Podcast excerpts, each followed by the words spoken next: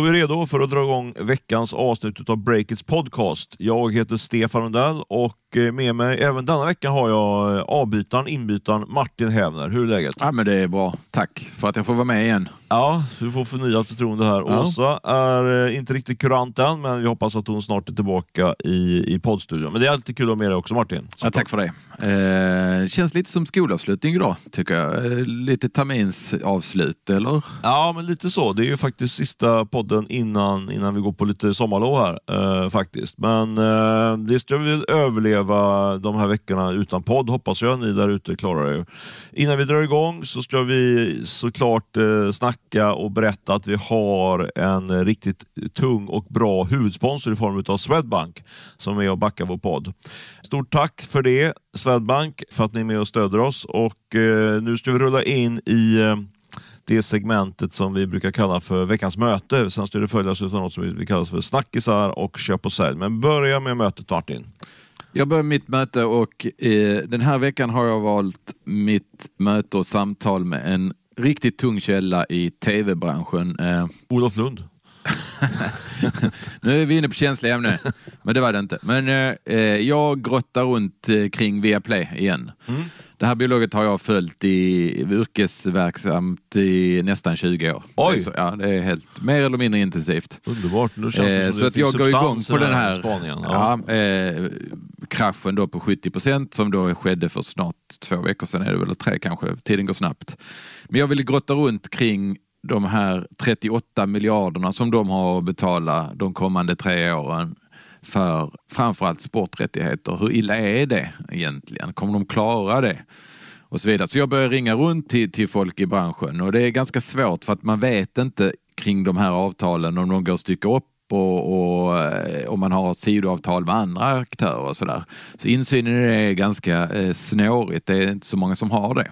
Alltså de har, de har kostnader på 38 miljarder i, i, i årsredovisningen, men sen så vet man inte hur de kan så att säga, sälja vidare en del av dem. Få in Nej, men exakt. Får Och de, de- de ligger utanför balansräkningen, men de har betalningsåtagande så här på 38 miljarder över tre år. Men de omsätter ju nästan upp mot eh, mellan 15 och 20 beroende på, på tillväxten. Så att, alltså fast det låter som helt sjuka summor så finns det absolut en möjlighet att de klarar det.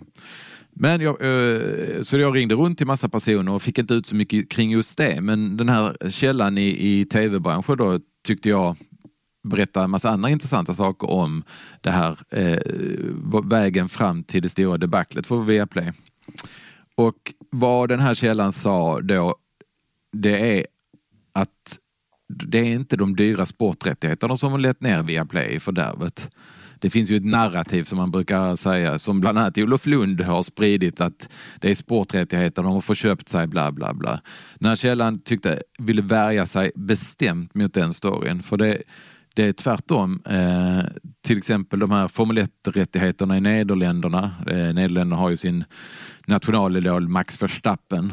Om du tittar på Formel 1. Eh, där köpte Viaplay Formel 1-rättigheterna och det går ganska bra där i premium abonnent tillväxten. Dessutom Premier League-rättigheterna för Norden säkrar man 2020 mitt framför näsan på Telia. Bara skrev ett jättelångt avtal med Premier League-organisationen på, jag tror det var på 8-9 år, trots att de brukar bara skriva på 3.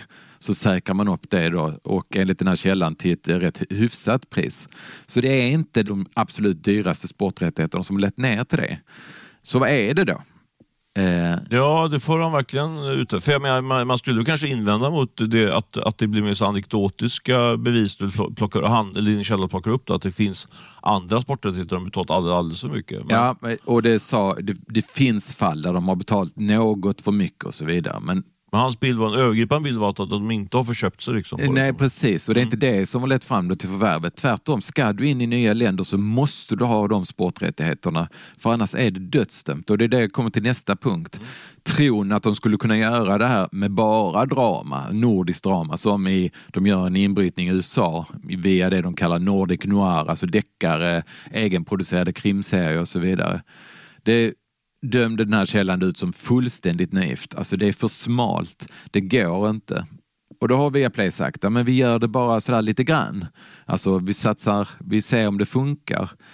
Men källan då anser att det, det, kan man säga, men det drar ändå så mycket tid, kraft och resurser.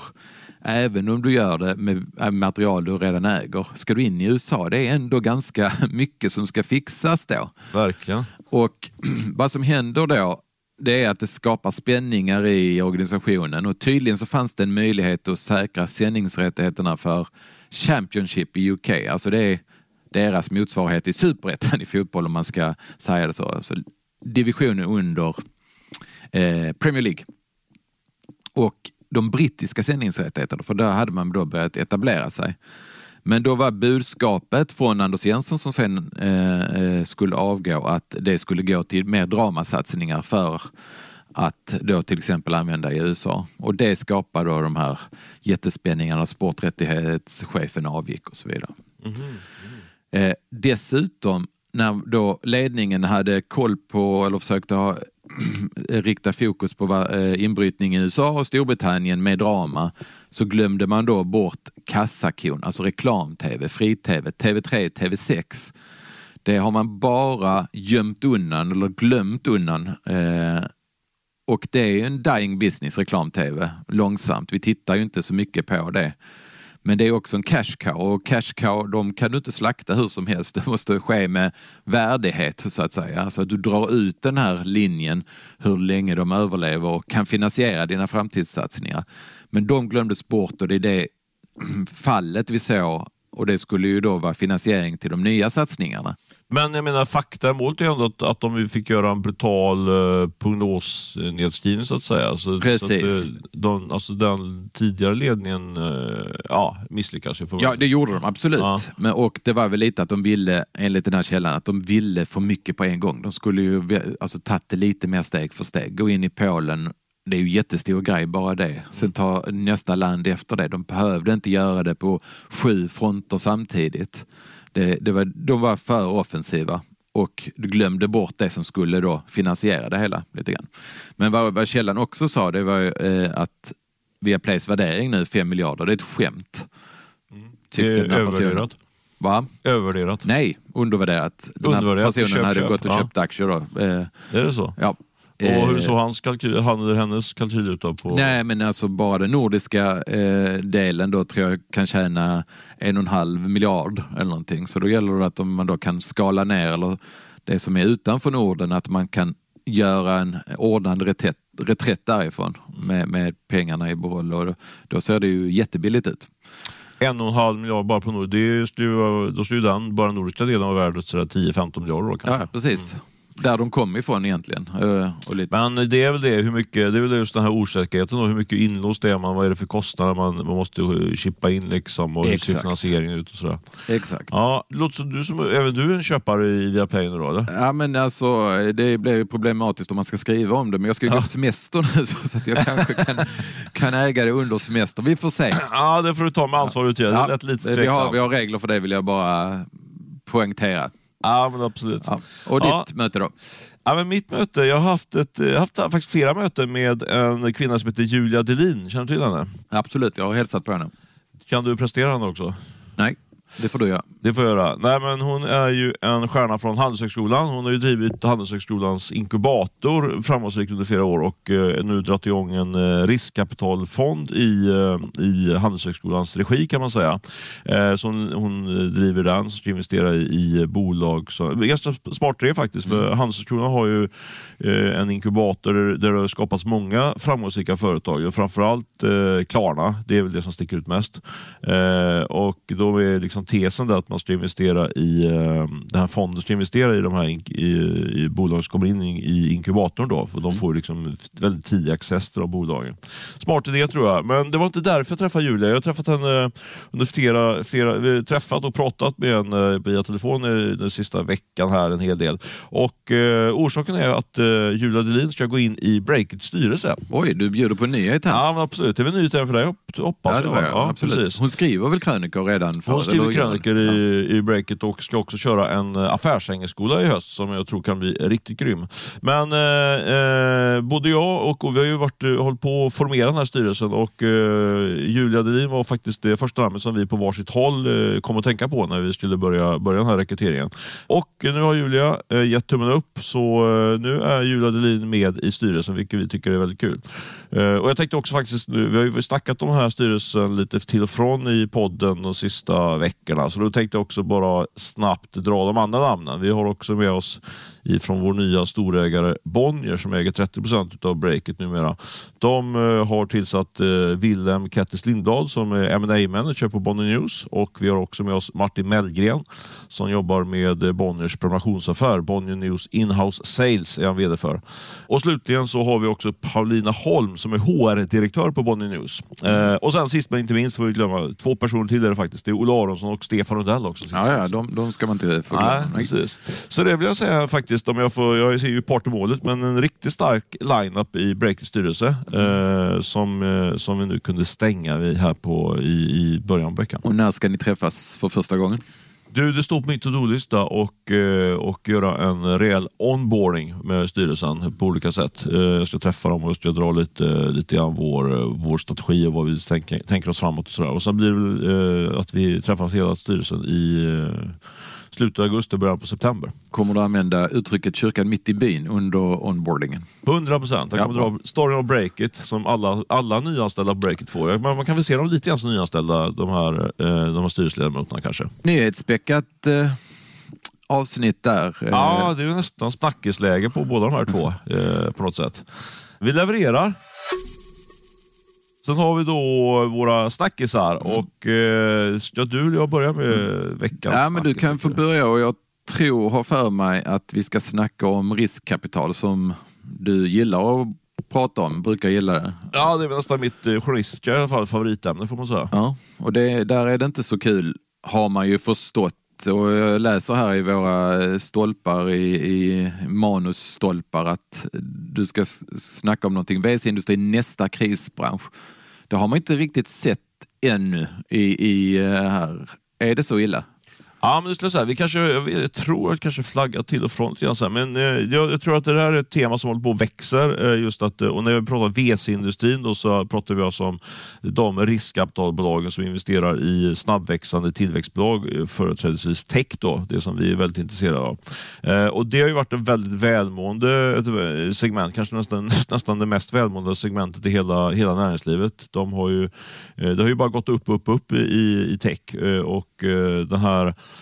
eh, VC-industrin. Eller, ganska intressant, om man ska ha en kort, kort utvikning, hur de tjänar pengar. De startar ju stora fonder som man investerar i. Ett par miljarder brukar, brukar de här fonderna vara. Sen får de i första läget får de ungefär 2% i förvaltningsavgift. Och Det kan ju vem som helst räkna ut om man har en fond på låt säga, 5 miljarder. Då får, man, då får man in ganska mycket pengar varje år direkt. Liksom.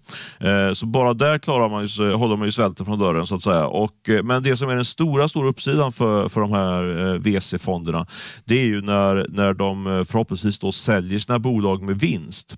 Eh, och eh, då är, upp, då är upplägget så att om man säljer ett bolag eh, med låt säga 100 miljoner i vinst eh, och man kommit över en, en viss, eh, man måste ha liksom minimiavkastning på 8-9 procent. Men om vi utgår från att man har det, och det har man ju, har man ju om man säljer ett Spotify eller något liknande.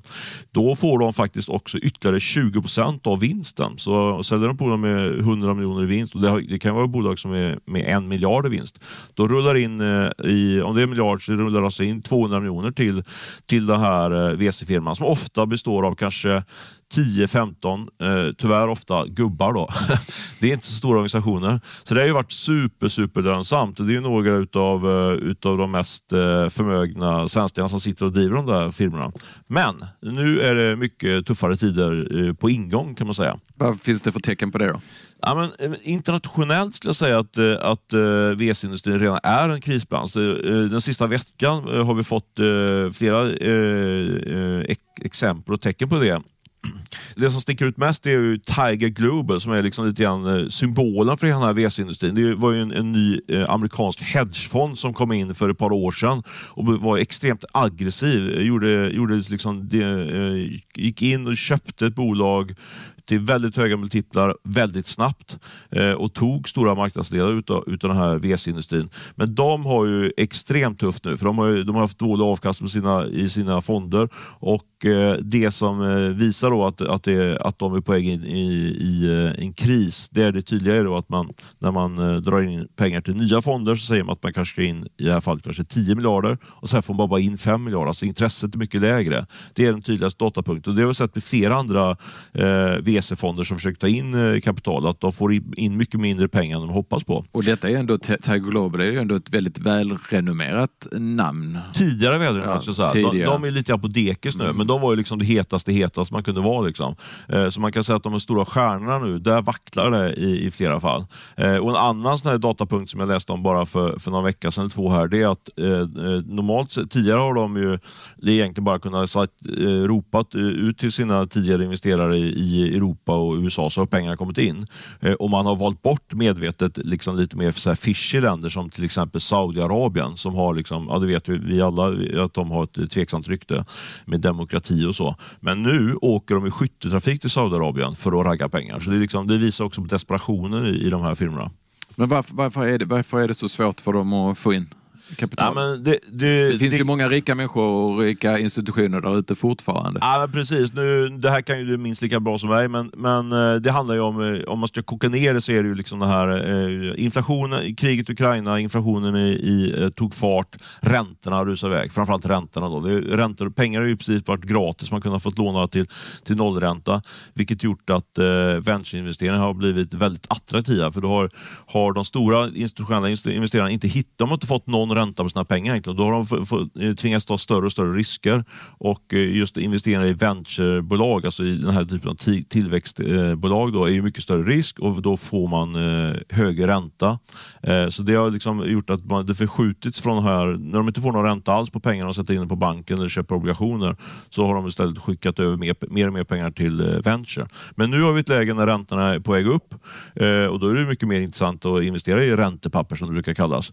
Och då försvinner mycket utav pengarna till, eh, till den här typen av fonder. Mm. Sen, den andra delen är ju såklart att vi, hela den här sättningen. Vi, har, okay, vi, har pratat, vi pratade förra veckan du och jag om, om AI-håsen kring techbolag, men det är bara en liten segment. En stor del av techsektorn är ju fortfarande rejält skadeskjuten mm. eh, och där har man ju sett att värderingen gått ner och folk håller sig helt enkelt undan från, från den där eh, det segmentet då, vilket gör att det blir mindre och mindre Så då kan de allokera om mot säkra investeringar, mot räntepapper och så vidare och så blir det mindre pengar. Man tycker inte det är värt att ta den där risken längre. Nej, för precis. nu är det inte ett självspelande piano att värderingar bara går upp. Men du, eh, 10 000 kronors frågan då, för många av våra läsare är verksamma i Sverige, kanske eh, sitter och jobbar för ett bolag som är VC-firma finansierat. Hur ser det ut på den svenska? Alltså jag eh, har ju jagat lite grann på det här rätt länge, liksom, för man har ju sett det internationellt. Och eh, det, det som, frågan är ju liksom om Sverige sticker ut och ska klara sig från den här VC-krisen. Jag tror ju inte det, men, men hittills har vi inte sett några tydliga tecken på, på, på reella sättningar i den svenska marknaden. Och En orsak till det är att eh, många av de här stora svenska eh riskkapitalfirmorna, de lyckades liksom fem i tolv få in pengar till till, till nya fonder. Det var, det var, liksom, var ett pärlband utav, av, eh, av fonder som, som eh, reste kapital precis innan eh, den, den här techfrossan slog till för vad då, 18 månader sedan ungefär. Så det, tar, det, det gör ju att jag tror att de har lite längre kan man säga, runway eller liksom, tidsfrist helt enkelt. Det finns en fördröjningseffekt här. Ja, men samtidigt tror jag eh, att man ska vara lite självkritisk mot vår bevakning. Jag tror att vi har missat, för det finns ju, vi har gjort en, håller på med en kartläggning och ser att det finns en sådär men, mellan 50 och 100 eh, VC-firmor. Och när jag pratar om att i Sverige, då, svenska firmor som är aktiva på den svenska och har koppling till Sverige. Och när jag säger att det var många som hann i fem i 12, liksom, då pratar vi kanske 5-6 som vi vet. 5-6 kända. Så det finns ju, där ute finns det ett antal eh, svenska riskkapitalfirmor som jag tror har det riktigt svettigt nu. De kanske har visat upp kanske liksom halvbra avkastning när det gick riktigt bra. Eh, och sen om de då, då ska ut och resa ut nya pengar och ta in nya pengar så tror jag de har extremt svårt att få in de här pengarna nu. Eh, så det handlar nog om att du och jag ska ut på stan och snacka med folk och liksom gräva, gräva runt det där. För Nej, men det måste man. Det här är ju ingen som kommer och berättar det för oss. Att eh, hej, vi har lite tufft nu, kommer säga på folk. Alltså, det, vill, det är ju sällan sådana nyheter når oss på den vägen. Utan Nej, här precis. måste man ju höra med andra. måste man prata med konkurrenter och andra som investerar, framförallt investerare tror jag i det här. Det finns, jag har hållit på att täcka den här marknaden rätt länge och det är ganska få svenska stora investerare som alltså investerar i de här, i de här eh, eh venturefonderna. Så det finns ganska få att prata med. Eh, och Sen finns det ju så här, mycket så här stor, rika familjer och sen är det amerikanska pensionsstiftelser. Och så, liksom, så där. Den är ganska svårtäckt faktiskt om, till, till vårt försvar. Men, men jag är lite triggad och tänker att eh, nu ska vi ut och, och gräva här. Om inte annat får ni gärna mejla mig på stefan.breakit.se stefan.breakit.se om ni har några tips här på VC-fonder som ligger lite pyrt till. Alternativt andra intressanta spanare i det här segmentet. För det, de, de, har ju en viktig roll, eller har haft en viktig roll i finansieringen av många bolag. Så skulle Verkligen. de försvinna, vad, hade det fått för konsekvenser förutom för människorna som jobbar på, på de här firmorna som landar ganska mjukt eller har, borde ha kanske lite sparat kapital själva. Men... Ja, men precis. De, de, jag tror att de, de, de flesta av de här klarar sig och det är ju en ganska lit... På ett sätt kan man tycka så här, varför är det så intressant att, att prata om det här ändå li, ganska lilla klicken av, av av eh, personer i Stockholms innerstad där de sitter. Liksom så här. Men, men det som gör att det är intressant att prata om det i, i Breakits podcast är att vi, vi täcker hela det, det, det, nya och snabbväxande näringslivet och de, de är väldigt, väldigt, hela det, eh, den delen av näringslivet är väldigt beroende av hur det går för de här VC-fonderna, för det är där så mycket utav kapitalet kommer. Eh, och jag tror att dels så kan det vara så att dels är det ju såklart det direkta så att det konsekvensen är ju liksom när, när kapitalet stryps åt och det blir svårare att få finansiering finansiering från de här fonderna. Men jag tror också att det finns en indirekt effekt där att många, många av de här som sitter på de här fonderna är väldigt stressade just nu. Mm. Eh, och den stressen skickar de vidare på sina portföljbolag, de, på de, sina techbolag de redan har investerat i. Och de blir också mycket mer... Eh, eh de, eh, alltså det, det, det, sprids en rädsla i systemet och då blir, kommer det bli, sätter det sig i, i nya diskussioner med investeringar i nya bolag som gör att de blir mycket mer restriktiva att göra det. Vilket innebär att det blir mindre kapital till sektorn, vilket innebär att det blir ännu större press på hela sektorn, på hela den sektorn vi bevakar. Så ja. Ja, det, det, ska bli jätteintressant att följa. Ja, verkligen. Det, vi, vi, vi gräver vidare på det. Jag skrev en liten kommentar också om detta på sajten som ni gärna får in och läsa. Vi rullar vidare på nästa snack. Vi ska snacka om foodtech, eller hur Martin? Det ska vi göra. Eh, för utgångspunkten för det här är den foodtech-kartläggning som vår skickliga kollega Julia Lundin har gjort och som många av er Breakit-läsare redan har tagit del av. Eh, för den här kartläggningen, den är eh, mycket bra. Eller rättare sagt, den är både förfärlig och lite sorglig och faktiskt på ett sätt också lite underbar. Mm. Jag ska snart underbar, förklara varför. Ja, ja. Lite positiv. Jag ska förklara vad jag menar med det här. Ja. För många av de här svenska foodtechbolagen de pressas nu på flera fronter och på många håll. Alltså redan från början, det här är bolag som är ganska små fortfarande, säljer ganska små volymer och volymer är jätteviktigt i livsmedelsindustrin. Och dessutom är det ju trångt på hyllan. Du vet, hur ser det ut på din lokala ICA-handlare? Har du stannat till där och kollat på Vego-hyllan? Alltså... Jag, jag, sitter ju på, jag går ju till Willys måste jag säga, men nu ska jag droppa morgonverk på Men där finns det ju en, eh, finns det en hel del att välja på. Kan man säga. Jag, tyvärr måste jag erkänna att jag är inte så ofta på Vego-hyllan, men ja.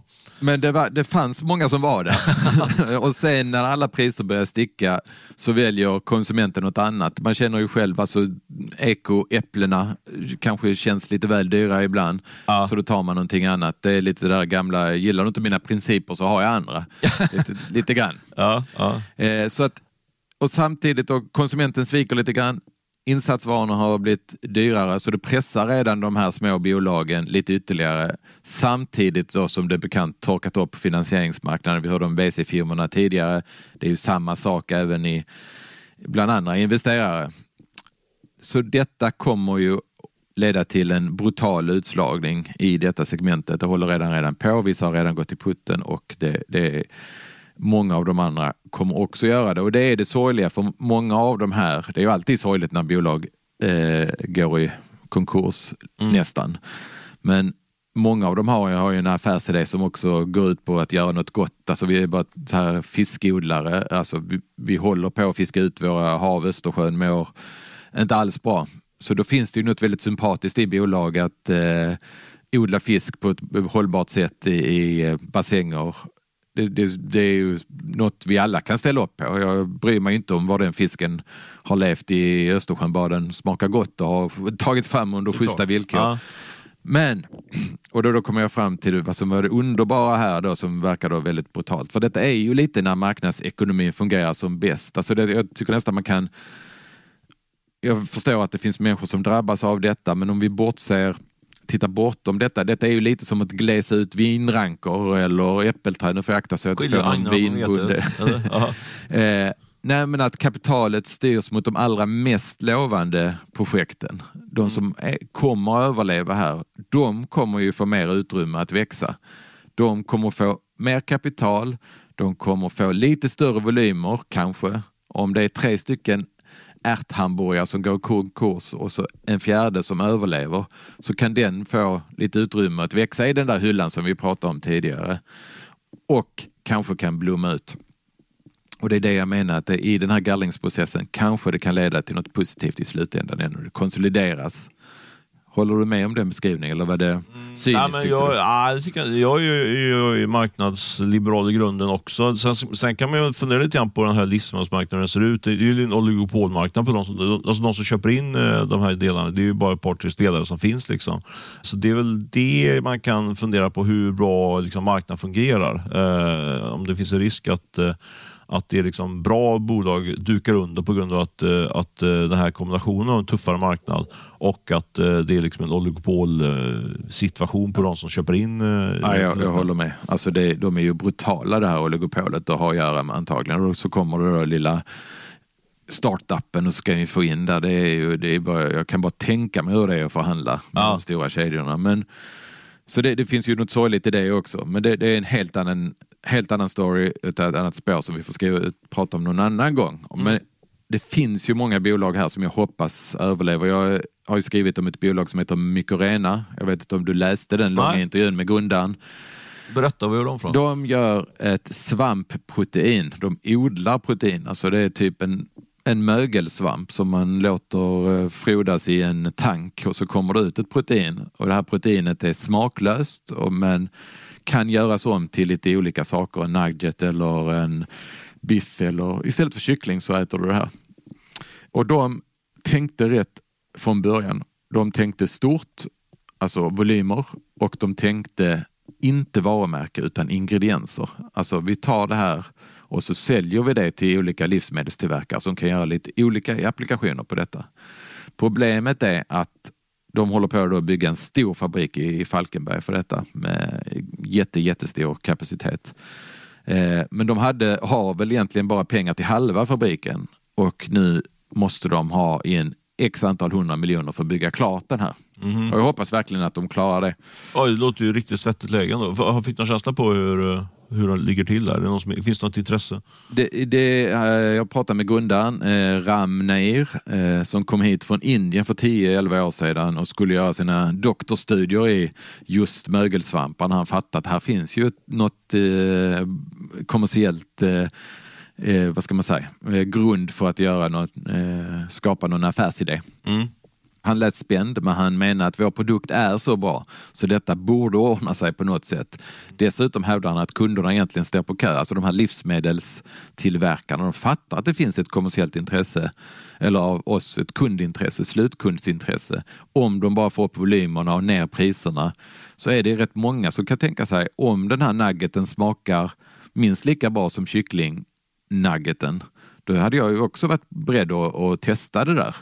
Men den måste ju ner till den priset. Det kan ju inte kosta dubbelt så mycket som kycklingnatten. Så det, det, är väl just det sista, det, är väl, det där är väl en nyckel liksom för att få upp den. För, alltså för min känsla är att matbusiness det är väl liksom en volymbusiness. Så det gäller liksom att komma upp det i volymer för annars är, så är det, blir det liksom bara små nischer som, som får väldigt svårt att överleva. Liksom. Det är helt rätt och det är kritiskt för att få konsumenten att börja välja det. Så det blir ju nästan en spiral då. Att få ner priserna då, då blir vi konsumenter mer benägna att välja det och det får upp volymerna. Så det gäller att få till den här goda spiralen. Mm, och jag hoppas att det ska lösa sig för Mikorena och många av de andra bolagen också. Vi kommer ju skriva mer om detta och följa detta de kommande åren såklart. Verkligen. Nej, men jag tycker att det var, det var ju flera artiklar utav, som Julia skrev där, men det, det allra mest intressanta tycker jag var den med, med investerarna, för de var väldigt eh, krassa och öppna och tydliga med vad, vad problemet var. Så, att säga. så man fick en väldigt bra, och ärlig bild av, av läget på marknaden just nu, som är rätt svettigt kan man säga. Då. Ja, men exakt, och det var inga omskrivningar som man kanske möter i, i, ofta i, i de här sammanhangen, utan precis som du säger, investerarna slog inte in någonting, utan berättade hur det verkligen var. Vi rullar in i nästa segment som är eh, köp och säljsegmentet. Eh, jag tänker mig faktiskt börja med veckans köp idag. Eh, är det okej? Okay? Det tycker jag. För det är så att min, min medgrundare Olle Aronsson har skrivit en utav, jag, jag hävdar att det var en av de bästa artiklarna som skrivits om Breakit. Det var, var några var, hörde, såg att var folk hugge, hugge, vad säger man, hajade till när jag skrek ut det på redaktionsspåret. Men jag är ju verkligen i Tjärmogruppen också. Olle har ju skrivit, eller i, i, i läs, i vad säger man, i eh, målgruppen. målgruppen helt enkelt för den här artikeln. Han har skrivit en, eh, en artikel om, eh, om hur man säljer sitt företag och det baserar ganska mycket på, på den transaktionen vi gjorde ihop med Bonnier här, här förleden.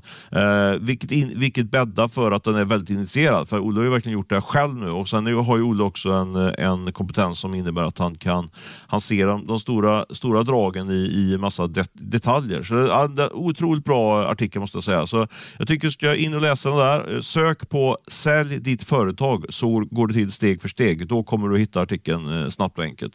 Eh, väl investerad tid och gå igenom den. Även om man inte står, och, eh, står i stånd att sälja bolaget imorgon om har på utan det, man får, ja, även om man som investerare tror jag att man kan få en hel del ut av den här artikeln. Så köp alltså på Olle Aronsson helt enkelt den här veckan. Jag håller med. Ja, det är bra. Du då? Jag har köpt på ett bolag som heter Flexion Mobile. Har du talat om dem någon gång? Nej, aldrig hört talas om. Vi har oh, faktiskt skrivit om dem på Breakit ett antal gånger. Aha, okay. eh, startat av ett brödrapar som heter Lauritsson. Mm. Som kommer från Lund, samma stad som jag höll jag på att säga, men nästan. Inte Ola Lauritsson? Nej. Nej.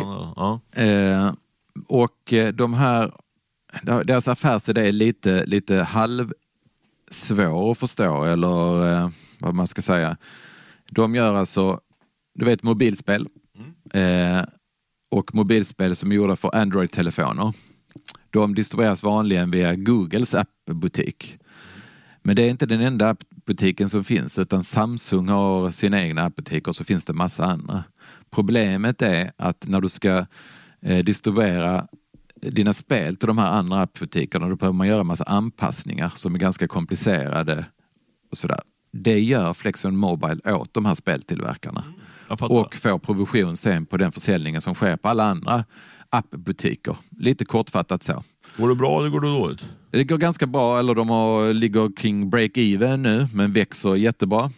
Eh, jag skrev en liten analys på dem, det var förra hösten tror jag, efter att ha pratat med grundarna. Noterat bolag alltså? Ja, ah, okay. på First North. Men varför köper just den här? Nej, igår då så såg jag en sak att en firma, en amerikansk firma som heter Alta Fox har gått in och köpt 4,6 procent av eh, eh, bolaget. Och... Sånt där går du igång på. Du är ju Holdings bästa kund ju. Ägar, ägardatatjänsten. Men nu var det faktiskt inte Holdings. Nej, det, var inte det. det, var någon eh, Twitterprofil tror jag. Ja. Som hade retweetat Altafox att de hade gått in i det här. Eh, och vem är då Altafox? De letar efter undervärderade, lite dolda case. Och det intressanta är att de har tidigare dykt upp i Leo Vegas och Enlabs och flaggat upp i det. Och några månader senare så blev de här bolagen uppköpta. kommit bud på det, så att de har en viss förmåga att plocka eh, vad man ska säga, budkandidater eller undervärderade eh, case. Det, det här är lite sidospår, men bara för, Leo Vegas, när blir de uppköpta? Ja, det är väl typ ett halvår sedan. Är de borta från börsen nu då? Ja. Du ser, här är kille utan koll alltså. Där ser man, ja. Jag har träffat på han Gustav Hagman några gånger. Han, han är ju väldigt aktiv i och investerar i, eh, alltså han har grundat Leo Vegas, men han investerar mycket i massa andra onoterade bolag. Då vet man var han har fått pengar från då helt enkelt. Exakt. Men detta är alltså en fin fjäder i hatten för det här bolaget och från bröderna i Lund. Härligt. En köpram. Jag sätter en eh, liten säljsignal på eh, de här fondbolagen Lysa och Opti. Det är ju utmanare till, till de traditionella fondtorgen kan man väl säga, eller? Hur ska man definiera det? Ja, robot investmentrådgivare brukar vi säga. Eller Just det, man, man dunkar in pengar på, på antingen på Lyse eller Opti och sen så fördelas pengarna in, ut på olika fonder. Ska det bli låga avgifter och effektivisera den här, det här, eh, den här transaktionerna för, för oss småsparare. Bra idé i grunden, i, i teorin ska man säga, men du Martin lyfter ju upp de här och tittar lite på hur det går för dem. Och eh, det, alltså det, är ju, det var kanske mest talande tycker jag, med Opti som varit igång i 8-9 år tror jag och fortfarande bara omsätter 9 miljoner kronor, gör en förlust på nästan 50. Eh, Lysa omsätter i och för sig 35 eh, men gör en förlust på ungefär 40. Så Alltså jag gillar eh, idén i grunden, men jag börjar bli lite så här tveksam. Kommer det här någonsin lyfta för de här, de här fondtorgen, eller fondrobotarna?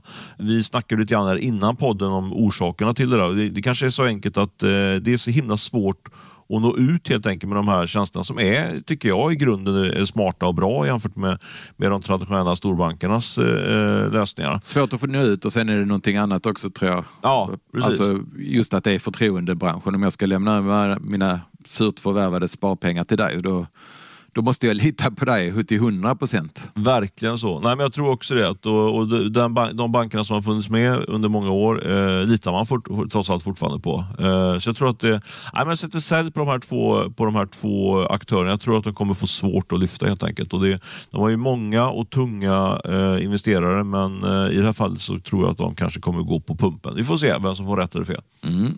Då har jag min veckans sälj Ja. och jag hade länge de svenska e-handlarna. Det kom ju siffror som visar att maj blev en svartare månad än på länge. Trots den negativa trenden så blev det ett ytterligare tapp, ett stort tapp i maj. Eh, Men så kom vår break-it-favorit Urbit med en rejäl vinstvarning. Favorit, är det så? Nej, jag är lite ironisk. Men eh, vi har faktiskt följt det här bolaget under ganska många år. Eh, Lage Jonasson, det är hans debacle eh, förra hösten. Han var ju tvingad till sälja och aktien fullständigt eh, kollapsade då på Och innan, innan du kom in i breakvärlden så var det jag, jag tror jag var den första journalist som håsade Urbit. Jag skrev det för, Ja, eh, så- det kunde man första. gissa. Oj, det här kommer bli stort. Ja, men Ja. okej, om vi går tillbaka till det här. De gjorde eh, igår kväll en prognossänkning som heter duga.